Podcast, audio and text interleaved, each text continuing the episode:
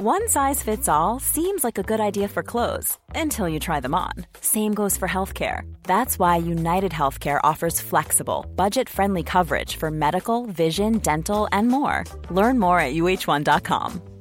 Ever catch yourself eating the same flavorless dinner three days in a row? Dreaming of something better? Well, HelloFresh is your guilt free dream come true, baby. It's me, Gigi Palmer. Let's wake up those taste buds with hot, juicy pecan crusted chicken or garlic butter shrimp scampi. Mm. Hello Fresh. Stop dreaming of all the delicious possibilities and dig in at HelloFresh.com. Let's get this dinner party started. Hey, it's Ryan Reynolds, and I'm here with Keith, co star of my upcoming film, If, only in theaters, May 17th. Do you want to tell people the big news? All right, I'll do it. Sign up now and you'll get unlimited for $15 a month in six months of Paramount Plus Essential Plan on us. Mintmobile.com slash switch. Upfront payment of $45 equivalent to $15 per month. Unlimited over 40 gigabytes per month. Face lower speeds. Videos at 480p. Active Mint customers by 531.24 get six months of Paramount Plus Essential Plan. Auto renews after six months. Offer ends May 31st, 2024. Separate Paramount Plus registration required. Terms and conditions apply if rated PG. I can discuss some of the psychological aspects of the case. You've got to get a hold of yourself. Now look here, Johnson, I'm going to get to the bottom of this. I can discuss some of the psychological aspects of the case. And you're really crazy, you know that? Oh, yes, I remember that. Is this any concern of yours? Stop, stop, stop it now, I mean it. Ja, hei, det er psykolog Sondre Livre her. Diagnosen er dessverre svært alvorlig. Viser seg at alt du tenker og føler er feil. Du må for all del ikke stole på hjernen din, den lyver. Alt du opplever er filtrert via nevroser fra ubevisste avkroker. Hvis du følger nøye med, er det en liten mulighet for at jeg kan hjelpe deg. I can discuss some of the I can discuss some of the I can discuss some of the psychological aspects of the case. Well, I'm just losing my mind, that's all.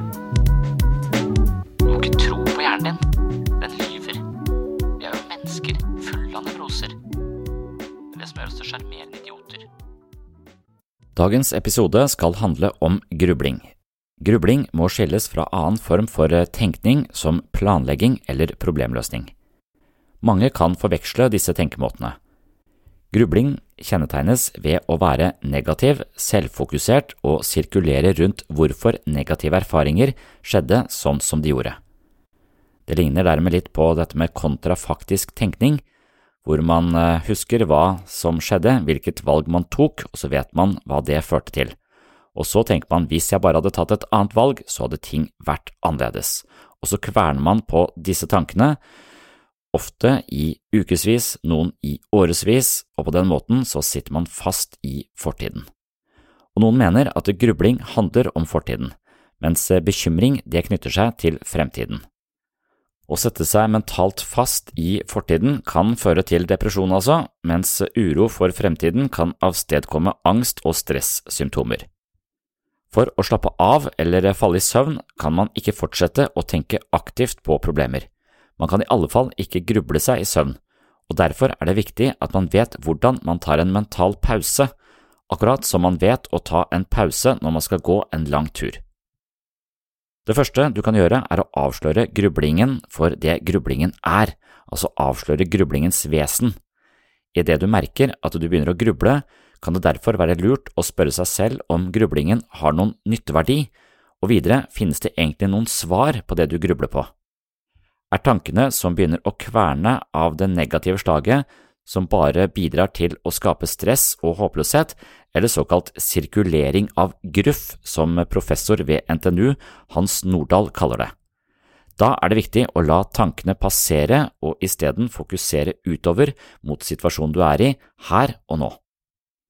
Det er et godt råd å involvere seg i andre mer virkelighetsnære ting som skjer her og nå i livet ditt.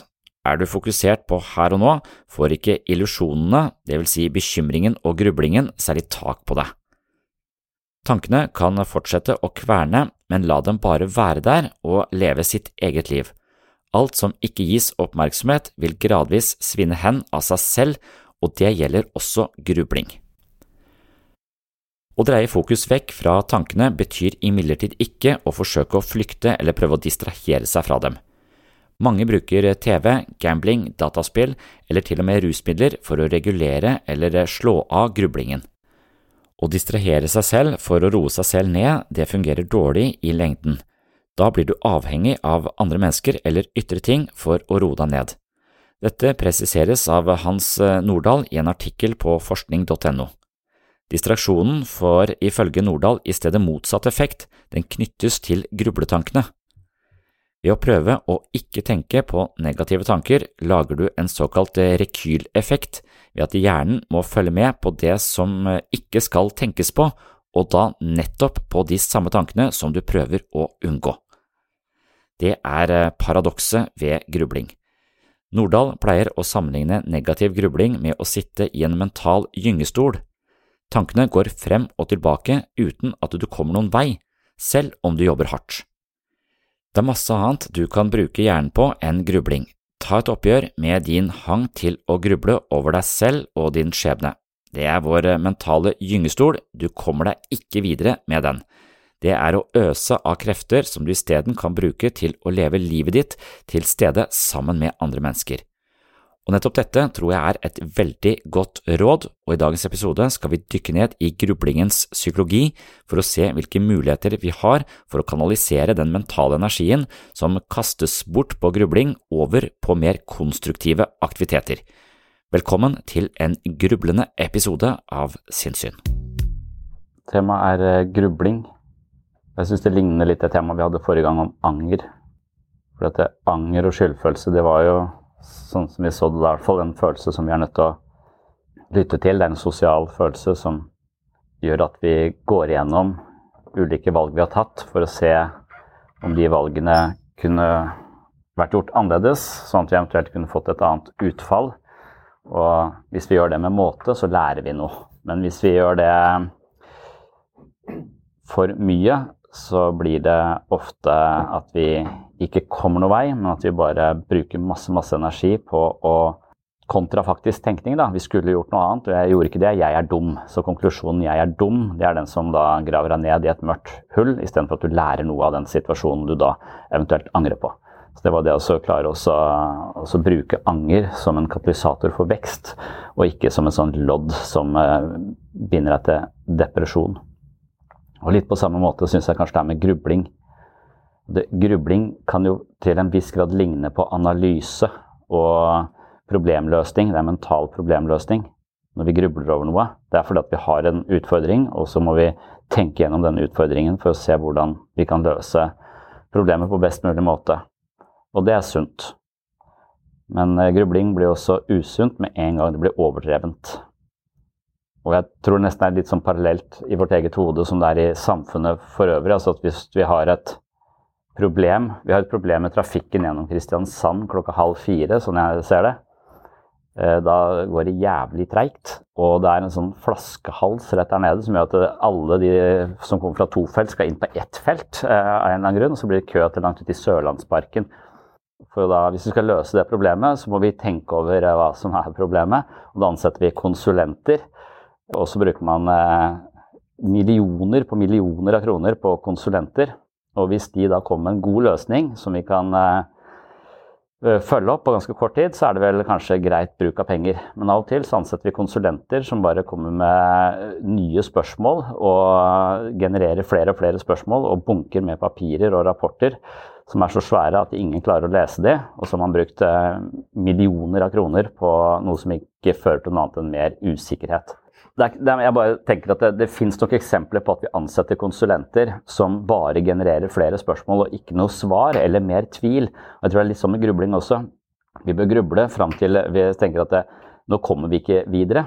Men det driver vi liksom ikke med når man tenker på grubling som en sånn uheldig ting. Da, da fortsetter man å tenke over det, selv om det eneste det fører til, er utmattelse, mangel på søvn og indre spenninger, dårlige følelser og rett og slett at man mister fokus på alt annet som er viktig, fordi man eh, henger seg opp i den eh, mentale problemløsninga som man allerede for to dager siden så at det ikke førte til noen løsning, bare enda mer tvil, usikkerhet og eventuelt selvhat.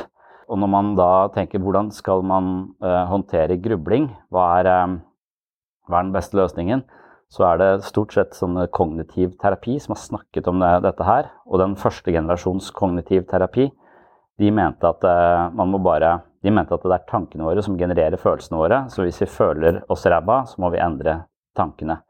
Og da må vi uh, gå tankene etter i sømmene for å se om vi tenker uhensiktsmessig, på en måte.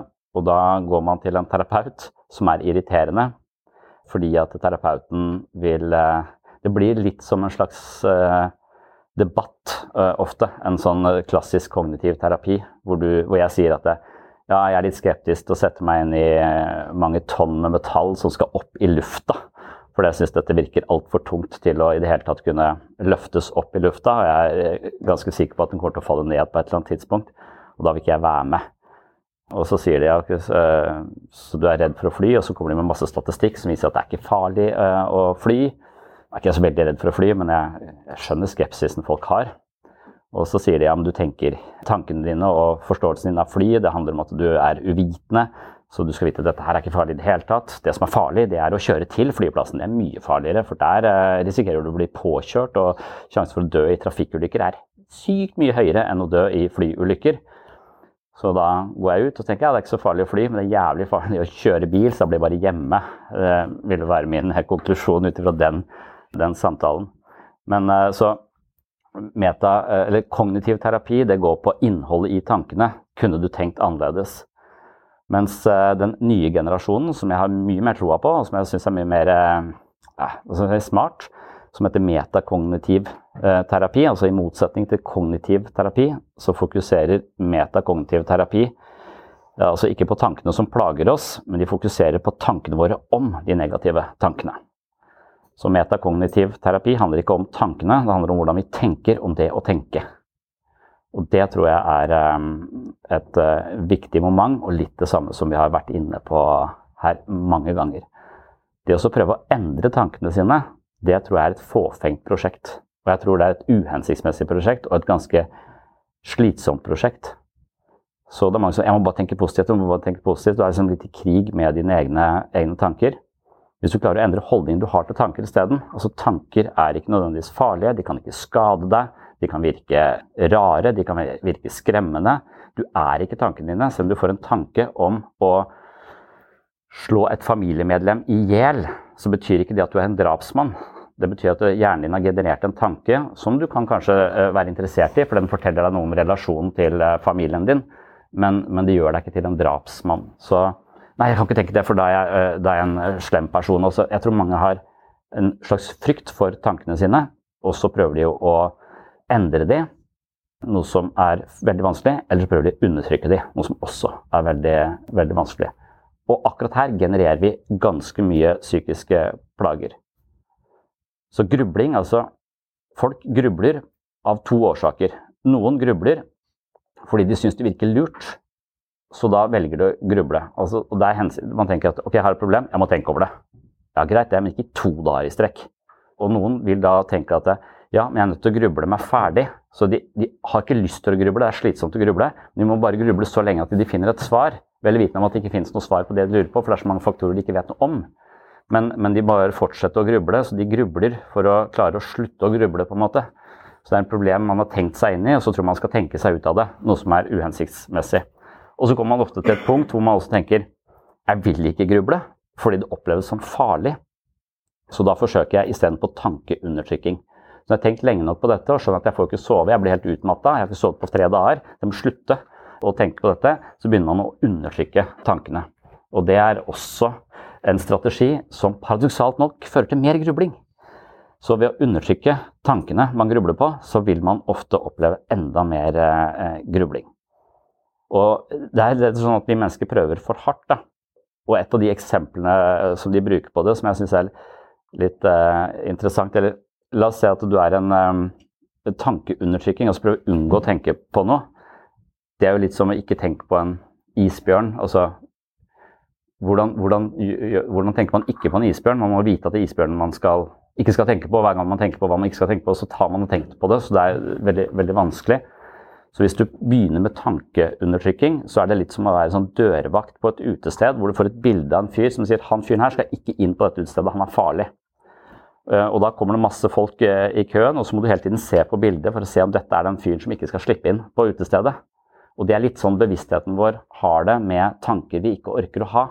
Vi må, ha, vi må vite hvilken tanke vi ikke orker å ha, og så må vi si fra til bevisstheten vår at den tanken der skal vi ikke slippe inn. Og hver gang det kommer en ny tanke, så må vi sjekke er det den tanken. Og på den måten så holder vi fast tanken i bevisstheten vår.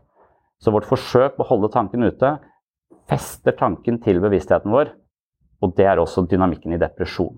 Veldig ofte så er det frykten for negative følelser eller negative måter å tenke på. Det var typisk sånn jeg tenkte når jeg var deprimert forrige gang. Sånn må jeg ikke tenke. Og så begynner man å, å, å stresse med at man tenker, plutselig får den tanken man ikke skulle hatt. Og istedenfor å akseptere at en tanke er ikke farlig, en tanke er bare en slags mental konstruksjon. Den kommer, men hvis vi er livredde for å ha den her og prøver å presse den ut igjen, så vil den være hos deg i lang tid. Og du får en ny depresjon. Ja, jeg vil si at det, eh, jeg vil tenke at grubling er en slags Jeg vet ikke om det er noe sånn, sånn helt spesifikke forskjell på det, om det handler om fortid eller fremtid, men jeg tenker at grubling handler om begge deler. altså det er alt det som ikke kommer til å funke i morgen, og alt det jeg sa som jeg ikke burde ha sagt, eller alt det jeg gjorde, eller alt det de gjorde mot meg. Så jeg setter grubling som en slags paraplybetegnelse på alt som vi prøver å kontrollere med hodet vårt, som vi dypest sett ikke kan kontrollere. eller få noe ut av, bortsett fra søvnløshet ofte. Men eh, det er, en fin analogi det med at eh, vi, eh, vi er liksom sånn fra naturens side disponert for å være opptatt av potensielle farer. Så hvis det er en tiger i rommet, eller hvis det er en slange et eller annet sted, så det, har det overlevelsesverdi å være oppmerksom på hvor den der slangen er hen. Og når en Når bevisstheten vår oppfatter tanker på samme måte som en tiger, som noe virkelig, som noe farlig, som noe vi ikke bør ha, som hvis vi har den tanken, gjør oss til et dårlig menneske, så den tanken må vi ikke ha, så, så vil vi jo ofte binde nettopp de tankene vi absolutt ikke orker å se, til bevisstheten ved å hele tiden ha den i bevisstheten og være oppmerksom på den. Så vi oppfatter da tankegods og mentale tilstander på samme måte som en, som en tiger. Hold øye med det. Eller, eller undertrykk det. Prøv å jage det ut. Og, og jeg tror vi blir lurt, lurt der hele tiden, men jeg tror også dette er en slags øvelse som vi kan trene opp. Da. Jeg tror ikke det er umulig. For det første så tror jeg man må forstå den der metakognitive ideen om at det, er holdningen vår til tankene våre som eh, enten fanger oss i tankekjør, eller eh, gjør at vi klarer å legge ting eh, fra oss og problemløse så lenge som det er hensiktsmessig, og ikke utover hele, hele natta. Men hvis vi forstår at en tanke ikke er en tiger, hvis vi forstår at en tanke er en mental konstruksjon, og, og vi forstår at det, noen ganger så bekymrer jeg meg masse for ting som jeg andre ganger i livet ikke enser i det hele tatt. Så det er helt random hva jeg faktisk henger meg opp i også. Og så er det veldig forskjellig hva jeg og kona mi henger oss opp i, hva vi driver og bekymrer oss for. Ting jeg bekymrer meg mye for, syns hun er helt uproblematisk. Og Derfor så er det liksom også sånn, det er liksom tilfeldig hva vi gidder å bruke denne mentale energien på. Og alt vi tenker og føler er feil. Det er alltid farga, det er alltid motivert av masse ting. Så det å endre holdningen sin, ikke endre tankene Tankene må bare få lov til å være. Du kan ikke fungere som dørvakt. for Da må du hele tiden være oppmerksom på det som ikke skal inn. Du kan la alle få lov til å komme inn, men du trenger ikke å tro at de er farlige, eller at de på sett og vis kan ødelegge deg eller definere deg eller noe sånt. Jeg synes Det der må, må, det er litt som vi, vi, tenker ikke sånn, for vi tenker at tankene mine er den jeg er, og måten jeg tenker på, definerer meg. Og, så, og når vi da har slemme tanker, så er vi slemme mennesker. Men vi, ikke, vi anser ikke TV-en vår på samme måte. Vi tenker ikke at fordi TV-en vår viser Putin stadig vekk, så er TV-en en ond person. Altså, vi, vi, eller en ond TV. Det er bare innholdet i TV-en. Altså, TV-en viser det som uh, kom, det kommer og går programmer på TV-en min hele tiden. Og jeg klandrer ikke TV-en min for det innholdet. Jeg klandrer NRK og TV 2 osv. Netflix. Men, men, men, jeg tror liksom bevisstheten vår er litt på samme måte. Det dukker opp tanker, og de kommer og de går. Mens eh, når vi da får tanker som vi ikke liker, så, så, så, så får vi en slags sånn eierskap til det, får lov til å definere oss som mennesker. Og så blir vi livredde for det. Sånn er jeg ikke, osv. Så, videre. så vi klandrer oss selv for innholdet i bevisstheten. Og det er som å klandre TV-en for innholdet det TV-en TV viser. Så det å endre holdning til tankene sine, det er metakognitiv terapi. Du skal ikke endre tankene i det hele tatt. Du skal la tankene være akkurat sånn som de er. Du skal endre måten du ser på tanker på. Altså måten du tenker om det å, å tenke. Så det vil være hvis du, hvis du, Det er, det er første, første, skritt. Men så tror jeg neste skritt er å huske på det i stressende situasjoner. Og det tror jeg kanskje også er en treningssak, rett og slett. At det, at det å, å ikke eh, la seg forføre av tanker som påberoper seg å være sykt viktige akkurat nå, og som du må, må, må tenke over. Men eh, ta og, og ikke, ikke, handle, rett og slett. Ikke gjøre noen ting med de tankene. La de tankene være. Jeg tror det er det vi ikke, mennesker ikke helt skjønner hvordan de skal gjøre. Mennesker vet hvordan de skal handle for å løse et problem, men de vet ikke hvordan de løser et problem ved å ikke handle. Det virker som å ikke løse problemet. Det virker som om det å løse et problem er må være en eller annen handlingsretta innsats på en eller annen måte. Men så tror jeg det er det motsatte i dette tilfellet. Sånn at, så du kan se for seg at eh, eller Et eksempel er hvis du er bussjåfør og kjører nattbussen, så, eh, og så er du 20 dritings folk baki der som driver og hoier og maser og synger 'en bussjåfør, en bussjåfør', og du har lyst til å drepe dem, liksom. Men jo mer du prøver å stoppe de folka som er dritings fra å oppføre seg ufint, jo mer trafikkfarlig blir de, og jo mer opprørt blir du. Så en klok bussjåfør skjønner at jeg må ikke snakke til dem, de må bare få lov til å være der. Så må jeg bare kjøre, bare fokusere på veien og kjøre til det stedet hvor disse folka skal av. Og, og, så, og, så, går de av, for de kommer, og så går de på et eller annet eh, tidspunkt. Kan være du må løfte de ut av bussen, men ta det når, når, når bussen har stoppa. Så jeg tror hele kunsten med, med, hodet vårt er litt det samme som uh, nattbussjåføren. At uh, tanker kommer, krever vår oppmerksomhet. Men egentlig så er kunsten å holde fokus et annet sted. Holde fokus på veien. Og samme, samme er liksom når jeg sitter og Hvis jeg skal prøve å lese en bok, da. Det går ikke med tre barn, men du kan prøve. Og, og da er det sånn Altså, nå sitter jeg og leser. Rundt meg så er det folk som prøver å drepe hverandre. Og det er noe som normalt sett ville Jeg tenker at det bør jeg være oppmerksom på. Det er noe som er i ferd med å dø i stua mi. Men, og, og, noen ganger så må jeg eh, gå imellom. Mens andre ganger så tenker jeg kanskje at det, kanskje de bare må få ordne opp i dette her på egen hånd. Og da må jeg liksom la alt det som virkelig jeg tenker jeg bør være oppmerksom på, bare være i bakgrunnen. Det kalles frakobla oppmerksomhet. Jeg vet at det er der, men jeg fokuserer fortsatt på boka. Og det er en mental kunst. Det er virkelig vanskelig, men det kan du faen meg trene på. Og det må du trene på. Og barna er én ting, de fulle folka er én ting. Jeg tror det er enda mye vanskeligere å vite hvordan gjør jeg dette med tankene mine. Hvordan anser jeg tankene mine for å være fulle folk eller kranglete barn? ja, jeg, jeg, mener kanskje at jeg, som bussjåfør så jeg skjønner det veldig godt. Og som pappa så skjønner jeg det veldig godt. Og jeg tror at det er en treningssak som jeg langsomt blir bedre på. da. Men jeg tror at vi er nødt til å vie omtrent akkurat like mye oppmerksomhet til tankene våre på samme måte. At vi må endre litt holdning vi har til både følelser og tanker. Altså Følelser altså noe som kommer og går. Og de er ofte uproporsjonale med de situasjonene vi er i, men de overbeviser oss om at vi er i en helt umulig situasjon. Og, og, så de er så jævla overbevisende. Og jeg tror ikke at barna mine kommer til å drepe hverandre, men jeg tror det akkurat da. Men sett i et større perspektiv så veit jeg at de egentlig er glad i hverandre, så jeg vet at de aldri kommer til å drepe hverandre. Det kan jeg ikke si. Aldri, aldri si aldri. Men, men, men, men det, er, det, er, noe med at du blir overbevist i øyeblikket. Og som bussjåfør så kan jeg skjønne at jeg skal ikke involvere meg i de fulle folka. Men når jeg ligger og skal sove, så må jeg også skjønne at jeg ikke skal involvere meg i de tankene. Jeg kan ikke stoppe tankene. Tankene kommer, men jeg skal ikke aktivt tenke. Og da er det jeg bruker regn. Jeg fokuserer på regn. Altså regn er da min vei. Altså det er trafikken for mitt vedkommende i den bussjåføranalogien. Og så prøver jeg å fokusere på regnet, og så lar jeg bare tankene være uten å aktivt gå inn og, inn og tenke. Og jeg tenker det må faen alle trene på hvis de er normale mennesker. For de fleste setter seg fast i et tankekjør, gjør de ikke det? Jeg opplever litt at, vi, at det er nettopp forholdet vi har til eh, tenkning som er liksom forkvakla. For at hvis vi tenker at tenkning er på en måte en aktivitet, det er en handling, så, og, og, og du, vi f.eks. bestemmer oss ja, jeg tror jeg skal flytte til Nord-Norge, og jeg bor på Sørlandet. Men jeg har ikke noen bil, så jeg må gå.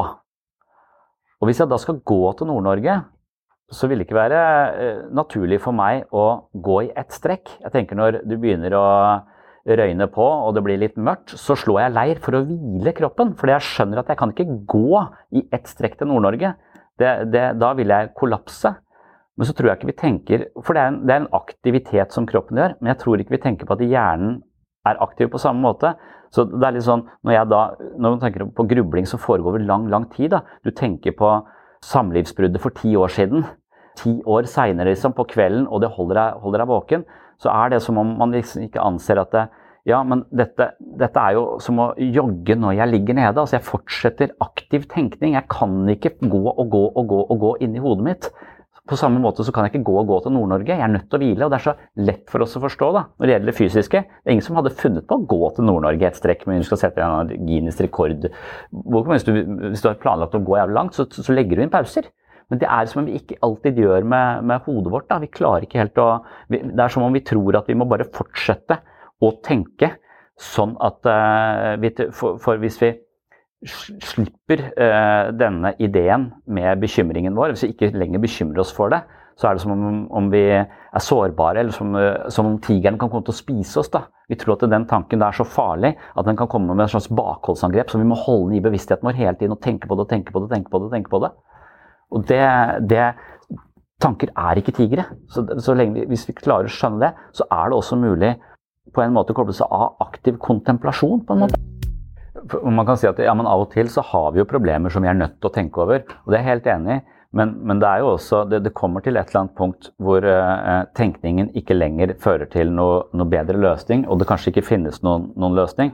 Så det er der, vi må skjønne at det, selv om vi har et veldig alvorlig problem, kanskje det er spesielt med en gang barna mine er i en eller annen sånn vanskelig situasjon, så kan det holde meg våken på natta. Og når jeg da ligger våken på natta og tenker på å, hun har ingen venner, eller, eh, og hvordan skal det gå, og når jeg driver og tenker på den måten der sånn, så gjør det bare at jeg ikke får sove, og at jeg er en dårlig pappa dagen etterpå. For jeg er jævlig trøtt og har kortere lunte. Så, så jeg burde på en eller annen måte skjønne at det, selv om noen andre har det vanskelig, så hjelper det ikke at jeg jogger gjennom hele natta. Altså, det, det, det, gjør ikke noe helsemessig. Det er bra å jogge en time eller to, men det er ikke bra å jogge hele jævla natta. Og, og det er det. Så uansett hva slags problem vi har i livet, så vil mental restitusjon være viktig uansett, liksom. Og det, det, det, sånn tror jeg ikke vi Så lenge vi ikke tenker på tenkning som en aktivitet, men noe som vi bare må, må gjøre. Ja, det er det jeg mener. Det er den overgangen. Vi er nødt til å klare å finne ut av hvordan vi går fra å være bussjåfør som ikke bryr seg om de fulle folka, til å være bussjåfør i vårt eget liv som ikke eh, lar oss forføre av alle bekymringer som vi mener vi må tenke på akkurat nå, midt på natta. Altså, hvordan, hvordan, gjør man ingenting? Og det å gjøre ingenting med det som dukker opp i bevisstheten, det er, det vi ikke, det, det er som vi er så aktive at vi ikke vet hvordan det er å gjøre ingenting.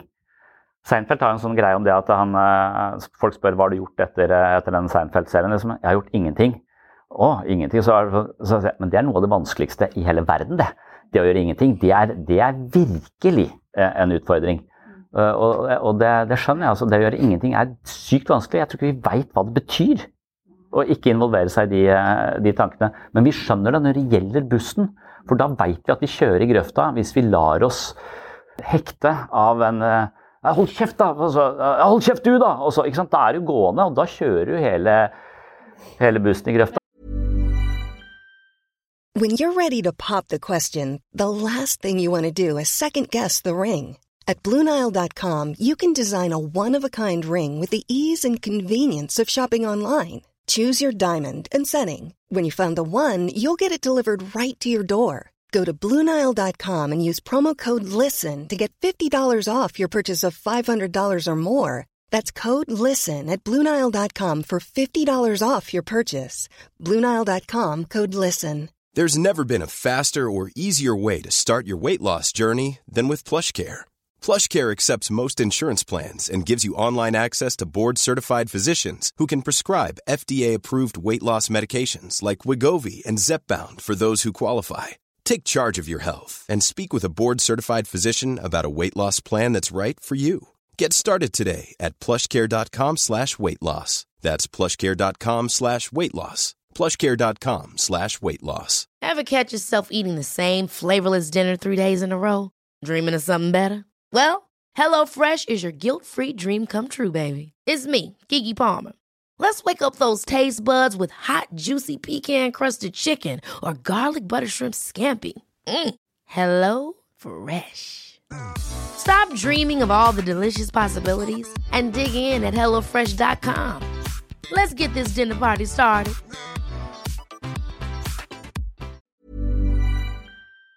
The question is this What have I been doing? Everybody says to me, hey, you don't do the show anymore. What do you do? I'll tell you what I do. Nothing.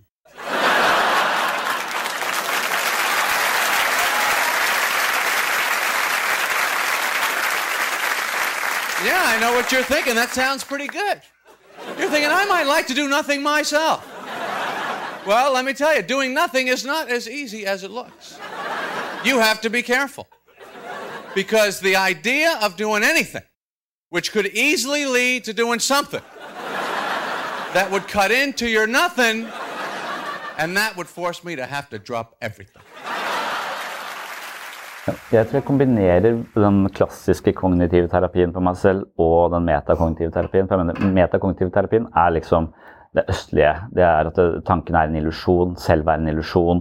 Alt du tenker, reflekterer ikke eh, virkeligheten på en presis måte, så du kan ikke legge så mye i det. på en måte.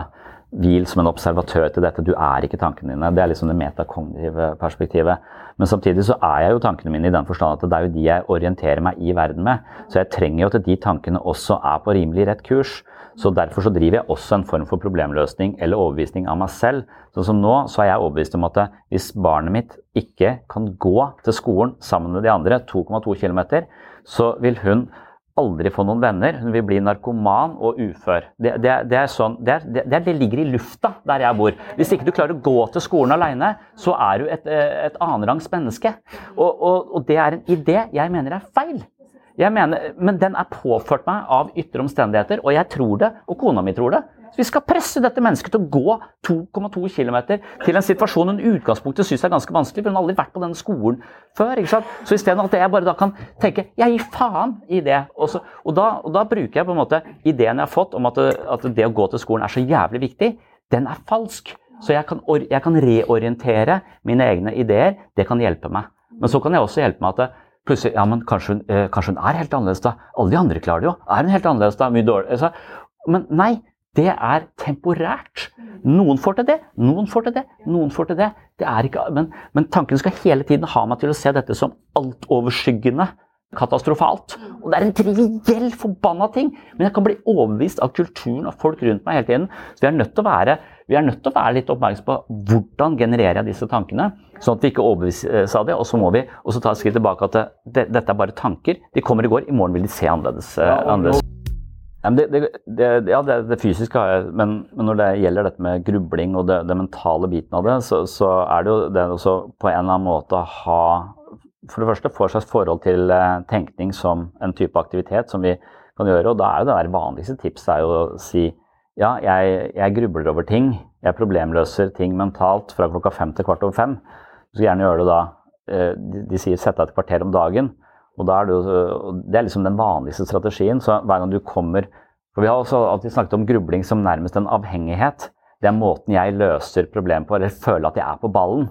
Sånn at hvis jeg har et problem, så tenker jeg på det helt til det problemet eventuelt er løst. Og noen problemer lar seg aldri løse, derfor tenker jeg på det hele livet. Sånn at det, det, er nesten det er min måte å løse det er min, det er min automatiske reaksjon hver gang det oppstår en, en situasjon. Fordi man tenker at det, selv om man vet at problemløsningen i hodet ikke egentlig gjør noen forskjell, så tror man det, og da har man en følelse av at man gjør noe med situasjonen. Så, så det er en sånn illusjon vi skaper oss. derfor kan det være. Mens en annen sånn automatisk reaksjon kan det være at hver gang jeg får en vond følelse, så drikker jeg litt whisky. Det er også en, en, en ganske effektiv strategi for, for, noen som de kan da eh, dyrke gjennom et, eh, gjennom et helt eh, liv.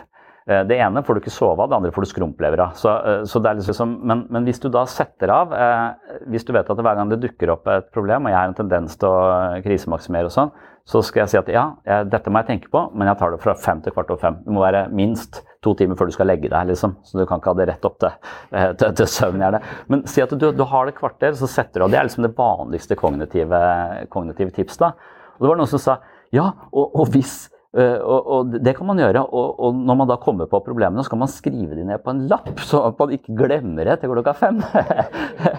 og, det er jeg litt sånn usikker på, for på den ene siden så er det sånn Ok, Hvis jeg har et stort problem som jeg tenker jeg ikke kan tenke på før klokka fem, så må jeg huske på at jeg har det problemet. da, Så må jeg gå og holde det i bevisstheten min. Men hvis jeg skriver det ned, så er det et annet sted, og da kan det være at jeg lar det ligge. På den annen side så kan det tenkes at det, hvis jeg har et problem som oppleves stort nå, og jeg bare tenker jeg skal ta det klokka fem, og jeg kommer til klokka fem og tenker nei, det var egentlig ikke noe problem, jeg gir faen, så har jeg jo på en måte sluppet for, det, eh, for den grublinga. Så det er jo mange problemer som ser store ut da, men som viser seg å være mye mindre på klokka fem. da. Så, at, så, jeg, så jeg, vet ikke helt denne ideen med å skrive det ned, om det er hensiktsmessig for oss eller, eller ikke. Men, men, jeg skjønner tanken. For, for min egen del så har jeg sagt at jeg samler på ideer. Jeg synes, Noen samler på frimerker, noen samler på mynter. Jeg, samler, jeg, føl, jeg følte på et tidspunkt at jeg samla på ideer. Og så hadde jeg så mange ideer i hodet mitt som ikke var mine egne, men som jeg hadde bare plukka opp her og der.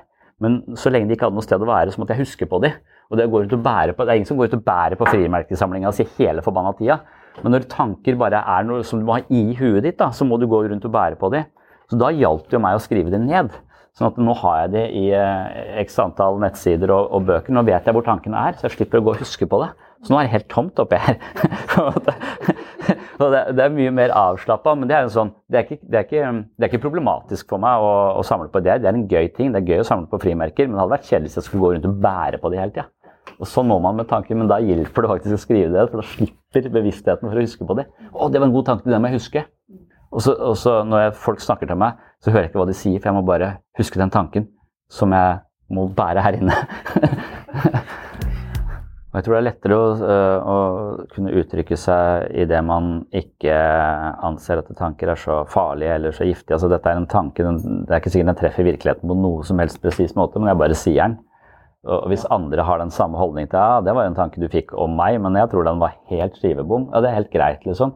Så hvis vi kan leke litt med, med tankene, men med en gang tankene får en definisjonsmakt Jeg opplever deg sånn, og når jeg opplever deg sånn, så er du sånn så, så, har vi ikke lenger noe lekegrind. Da har vi en, eh, en slags skuddveksling ja. som, som, er eh, ikke noe spesielt god relasjon i det hele tatt. Så jeg tror gode relasjoner har et veldig løselig forhold til hverandres opplevelser som man bare kan leke litt med å undersøke. Så jeg er helt enig. Jeg tror grubli, Mye av grublinga uh, til moderne mennesker kommer som følge av uh, en eller annen sånn kulturell hjernevasking som handler om altfor høye standarder og hele tiden skulle leve opp til noe som er nærmest uoppnåelig. Og det er forferdelig irriterende, egentlig. og, og uten at man nesten vet å adoptere standarder som man hele tiden kommer til å mislykkes på, og hele tiden føler seg eh, ja, til, kortkommen. Så det, det, er et viktig, viktig, prosjekt å jobbe mot perfeksjonisme og så ha en slags opposisjon mot, uh, mot det. Derfor så, derfor så, savner jeg han der Per Inge Torkelsen som sier at uh, vi er nødt til å gi barna både røyk og alkohol før idretten tar dem. Og jeg skjønner, jeg skjønner at det er provoserende utsagn, det er sånn tøysete utsagn. Det er litt sant òg. Ikke for alle, for det er noen som blir tatt av alkoholen eh, på et for tidlig tid. Men, men han, han, bare går ut på den helt på den ene siden og sier at det, eh, faren nå er at det, eh, vi blir så perfekte, og vi tar så gode valg, og vi skal leve opp til en standard. Og, og, og det, hvis, du, hvis, du, er sammen med folk som har den ideen, så er det veldig vanskelig å argumentere mot dem, for alt de sier er jo rett.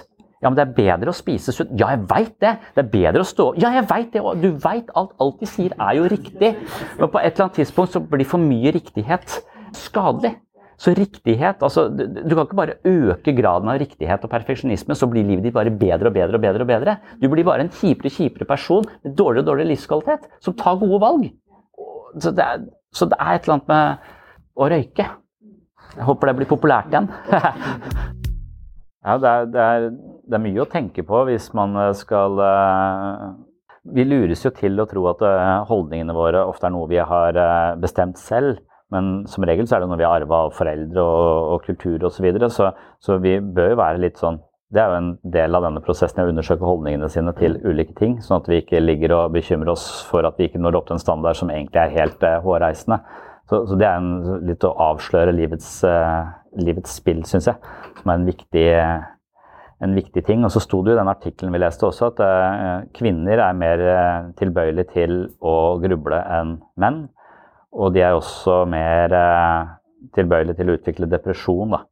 Så Det var et sånt kjønnsperspektiv i det også, når de hadde undersøkt disse studentene. Og det, det, vet jeg ikke hva man skal tenke om, men, men for meg så er ikke det det, det det, skjønner jeg litt Eller det, kommer ikke så overraskende på meg. Jeg vil liksom eh, Sikkert tusen årsaker til det, men, men jeg opplever at, at kvinner sånn tradisjonelt sett, og det er kanskje pga. ekteskapsloven som kom på et eller annet tidspunkt hvor menn skulle ut på fabrikken og bare stå der eh, ved et eller annet samlebånd, mens eh, kvinner skulle være hjemme. og det også det, det relasjonelle perspektivet, det å være en del av flokken, det å ha kontakter det, og alt det der, det er jo den typen problemer som er jævlig vanskelig å løse. For det er så mange blinde flekker. Som, hva mente egentlig den? Hva sa egentlig den? Sa, mens det å løse et problem med et samlebånd, det, er, mye, det, er forholdsvis mye enklere. Begrensa hvor mye, hvor komplisert det kan bli. da.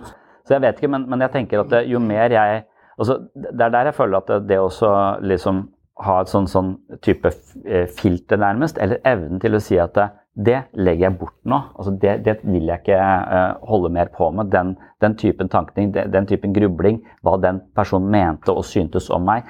Det å også ikke bruke hele dagen på det, det, det tror jeg er en, sånn, også en viktig øvelse. Å si at ah, det, det, tar jeg neste, neste, uke. Når det dukker opp igjen, så kan jeg utforske det, det videre. Der syns jeg kanskje at jeg Eller det føler jeg også er en sånn mental egenskap eller eh, styrke som man kanskje er nødt til å utvikle. Det å kunne gå inn i noe og så være der, men så kunne gå ut av det igjen.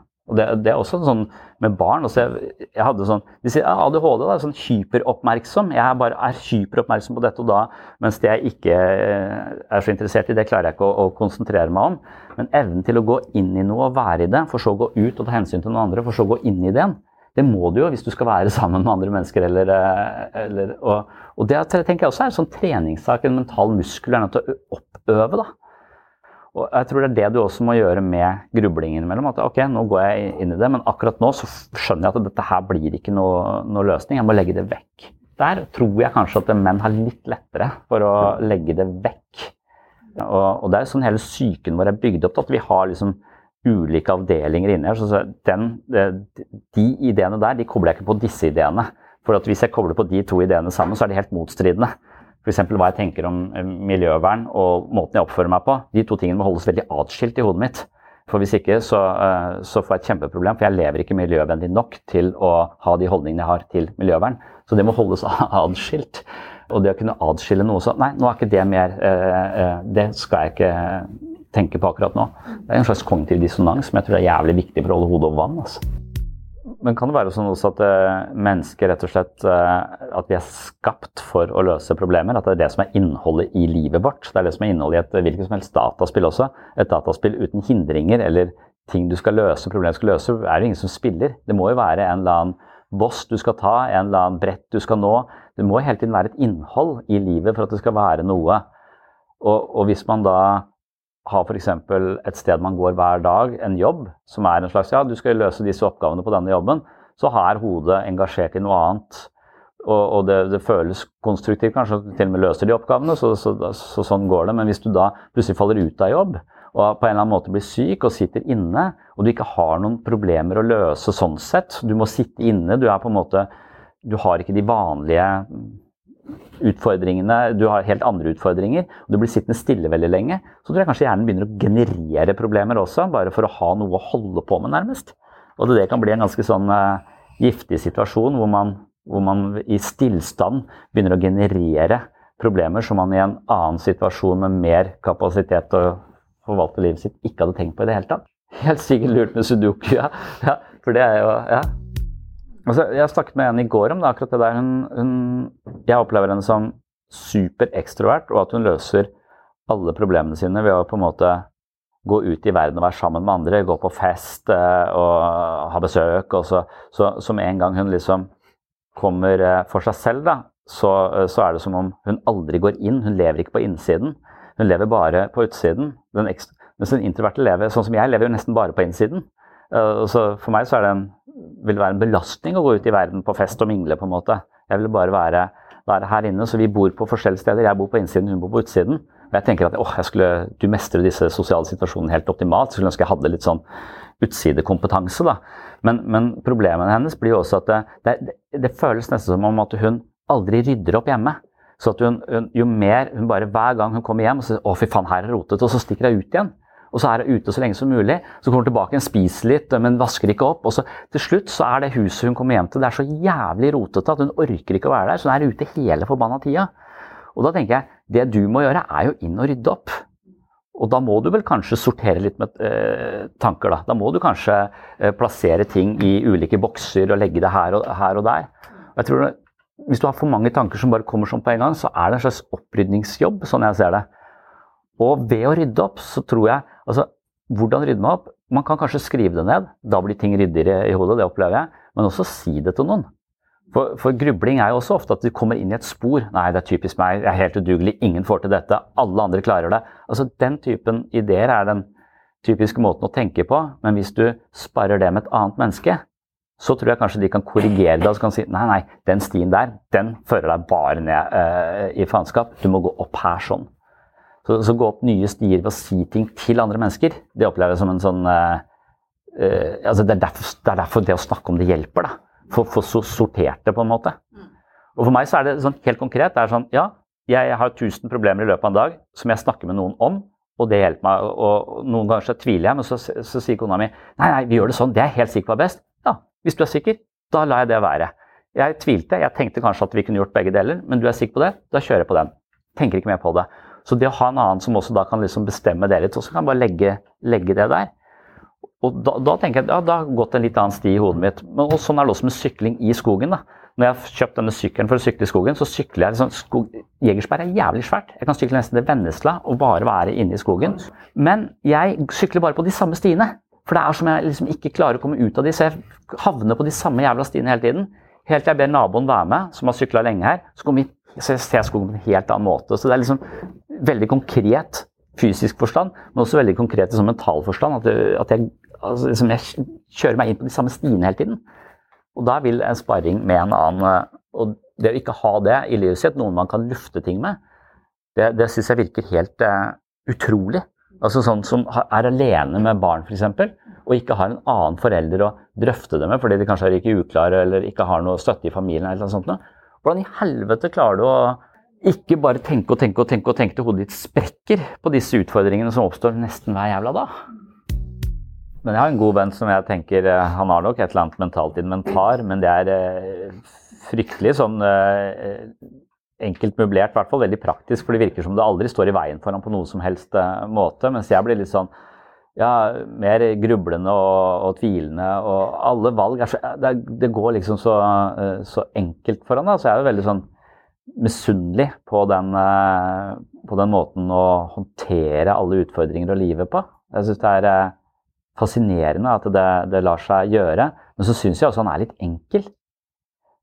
Og, og, og jeg synes, men, men, så tenker jeg av og til at det, jeg er egentlig den andre igjen. Altså, jeg vet om folk som er mye mer kompliserte enn eh, meg, og, de tenker jeg, og da tenker jeg litt sånn at det, det hadde vært godt med en liten porsjon autisme inn i Noen ganger når jeg er sånn mellommenneskelige klammerier, så skulle jeg ønske jeg hadde litt mer autisme som, som så litt sånn Ikke tok inn all den eh, mellommenneskelige kompleksiteten da, eh, og alle de lagene som foregår i enhver relasjon, liksom. Bare forholdt meg til det på en enklere måte. Så noen ganger så syns jeg kanskje at Ja, eh, jeg tenker ikke at han er autist, men jeg tenker at han eh, det, det mellommenneskelige Han ryker aldri uklar med noe. Alle syns det er greit å være sammen med alle. Det er så, sånn Nei, det er, det er rart, altså. Man er ikke tilbakestående. Nei, nei, nei. ja. Jeg tror det er hårfine uh, nyanser også mellom å, å distrahere seg selv og faktisk forholde seg til seg selv, forholde seg til tankene, forholde seg til problemene, forholde seg til angeren, som er den vanskeligste, vanskeligste skyldfølelsen også, ofte, som er den vanskeligste følelsen. Og det også da si at ok, men nå har jeg, nå jeg grubla lenge nok på dette, jeg har følt masse smerte rundt dette, men nå, men nå tror jeg jeg må øh, hvile litt eller bruke energien min på noe annet. Kontra det å, å reagere ved å glemme det, på en måte, å drikke eller bare distrahere seg selv eller jobbe mer. eller jeg syns det er litt likt. da, og Det å ikke forholde seg til grublinga kan virke som en unnvikelse, men det kan også virke som en lur strategi. Så jeg er litt usikker på når jeg unnviker, og når jeg egentlig bare tenker at nå er jeg ferdig med den typen problematikk og, og ønsker å, å, holde på med noe annet. Så jeg syns de tingene ligner, da. Eller, eller jeg, jeg, vet ikke helt når jeg gjør hva. Hva er unnvikelse, og hva er uh, en sunn pause? Så løsningen på grubling er vel å bli litt mer likegyldig til uh, tanker, nesten sagt. Ikke nødvendigvis likegyldig, men å la de få lov til å være der uten å dømme de så hardt. Men vi må kanskje også drive litt uh, og avsløre tankesettet vårt innimellom. For det, det, er infiltrert av standarder som vi ikke nødvendigvis er enig i. Det er jo, det er kanskje den kognitive terapien, psykoterapi generelt sett. altså Undersøke hvorfor føler jeg akkurat uh, dette. Er det en uh, skyldfølelse jeg ikke orker å ta inn over meg? Så jeg mener det er andre som er skyldige, jeg projiserer det ut. Eller, og det å drive og sortere litt i det, hvordan du håndterer det som ligger under der, det er jo psykologien. Men du går jo ikke i psykoterapi hele døgnet. Det kan du jo ikke. Altså det er jo, vi pleier å si det er, eh, det er jo halvannen time i gruppeterapi. da. Og det, mens det individualterapi ofte er 45 minutter. Og så sier man at det, eh, de fleste mennesker klarer å holde forsvaret sitt i 45 minutter. Altså holde maska og være den sosiale personen eh, i 45 minutter. Men etter 45 minutter, da ryker det. Og det er jo det du trenger å se på i psykoterapi, men det, da, altså psykoterapi valgt å vare da 45 minutter, sånn at du akkurat klarer det. Sånn at du ikke kommer inn på noe, på noe, viktig, og så kan du komme tilbake neste uke og, og knipe igjen en gang til. Jeg tror det er mange som, som gjør det å få litt lite ut av terapi, da, for det er så vanskelig for oss å kanskje gi slipp eller våge oss inn på det litt uh, dypere. Så sånn sett så er det greit at det gruppeterapi varer halvannen time, for det kommer til å uh, ryke på et eller annet tidspunkt. Men eh, hvis vi skal drive og analysere oss selv hele forbanna tida, så er det som å flytte til Nord-Norge og gå i ett strekk. Det er, ikke, det er ikke hensiktsmessig. Takk for at du hørte på denne grublete episoden av eh, Sinnsyn. Det å tenke og analysere og problemløse, det er noe vi mennesker er gode på, og vi har også en hang til denne typen tenkning fordi den har en overlevelsesverdi. Men vi må ikke tro at tankene alltid reflekterer virkeligheten i en absolutt forstand, og vi må heller ikke tro at det å tenke grenseløst mye på ulike problemer fører til en løsning. Ofte handler det ikke så mye om eh, tankene i seg selv, men hvordan vi da tenker om det å ha denne typen tanker. Hvis vi anser at negative tanker er skadelige eller farlige, vil vi dømme våre egne tanker av denne typen på en måte som forsterker deres innflytelse. Hvis vi skjønner at tanker er tanker, og de ikke egentlig er farlige på noen måte, kan vi få et mer avslappa forhold til de tankene som dukker opp i bevisstheten, og nettopp den holdningen gjør at tanker kommer og går. Frykt for tanker eller forsøk på å unngå visse tanker gjør at tankene fester seg og blir værende i bevisstheten. Det er en mental felle, en type tankefelle nærmest, som eh, mange mennesker går i i løpet av en uke, og jeg har vel en tro på at nesten alle skjønner hva dette her dreier seg om, og har en eller annen type problematikk knytta til det å overtenke i visse situasjoner, når eh, kanskje vi står i mye motstand i livet, for eksempel. Men ved hjelp av psykologiske verktøy så er det egentlig nokså fort gjort å lære seg at du faktisk kan kontrollere grublingen selv, og her finnes det altså en helt spesiell innsikt som kan hjelpe deg. Du er ikke tankene dine, du er heller ikke følelsene dine, det er noe som oppstår i bevisstheten enten du vil eller ikke. Ditt valg det er om du skal forfølge disse tankene, når du skal forfølge disse tankene, og i hvilket omfang du skal følge disse tankene inn på problemløsning, analyse osv. osv. Hvis det er rett før leggetid, så er det kanskje ikke hensiktsmessig å bruke mer mental kapasitet på den typen utfordringer som du faktisk har i livet ditt. Og da er evnen til å fokusere et annet sted, altså ikke la seg lure inn på denne forførende ideen om at mer grubling vil føre til en løsning og rett og slett eh, frigjøre deg fra grublinga bare du tenker lenge nok, eller at mer grubling eh, rett og slett er å forebygge, eller at det på en eller annen måte du er lat eller tiltaksløs dersom du slutter å gruble på en type problemstilling. Det å gruble, det er ikke hensiktsmessig over lang tid fordi du blir mentalt utmatta. Og da kan det være en teknikk å fokusere på for eksempel et eh, lydbilde eller på pusten sin, og la tanker komme og gå, men ikke ta stilling til de. Du må altså oppføre deg som en eh, ansvarlig bussjåfør og fokusere på veien og ikke all skrålinga fra de fulle passasjerene. Det må du ta med deg inn i eh, neste uke.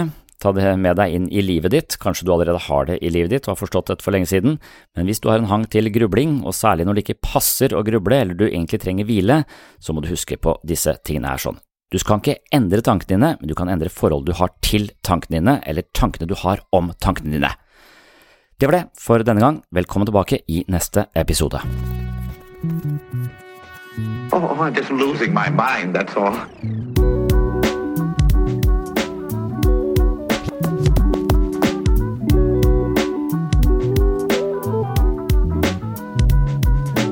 I can discuss some of the I can discuss some of the I can discuss some of the psychological aspects of the case. Psycho, psycho, psychological aspects of the case. You've got to get a hold of yourself.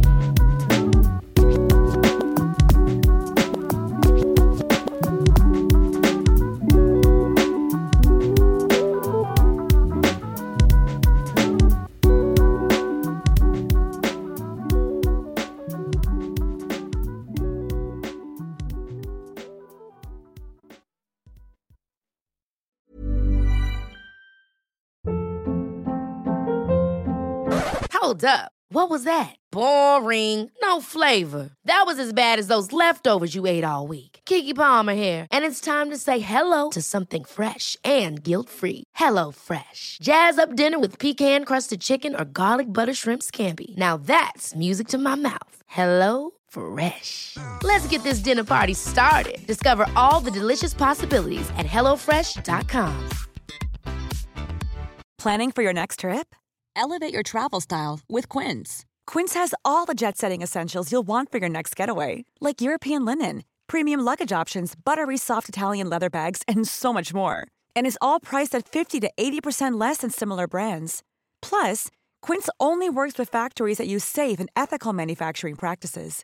Pack your bags with high-quality essentials you'll be wearing for vacations to come with Quince. Go to quince.com slash pack for free shipping and 365-day returns. Mom deserves the best, and there's no better place to shop for Mother's Day than Whole Foods Market. They're your destination for unbeatable savings, from premium gifts to show-stopping flowers and irresistible desserts. Start by saving 33% with Prime on all body care and candles. Then get a 15-stem bunch of tulips for just $9.99 each with Prime. Round out Mom's menu with festive rosé, irresistible berry chantilly cake, and more special treats. Come celebrate Mother's Day at Whole Foods Market.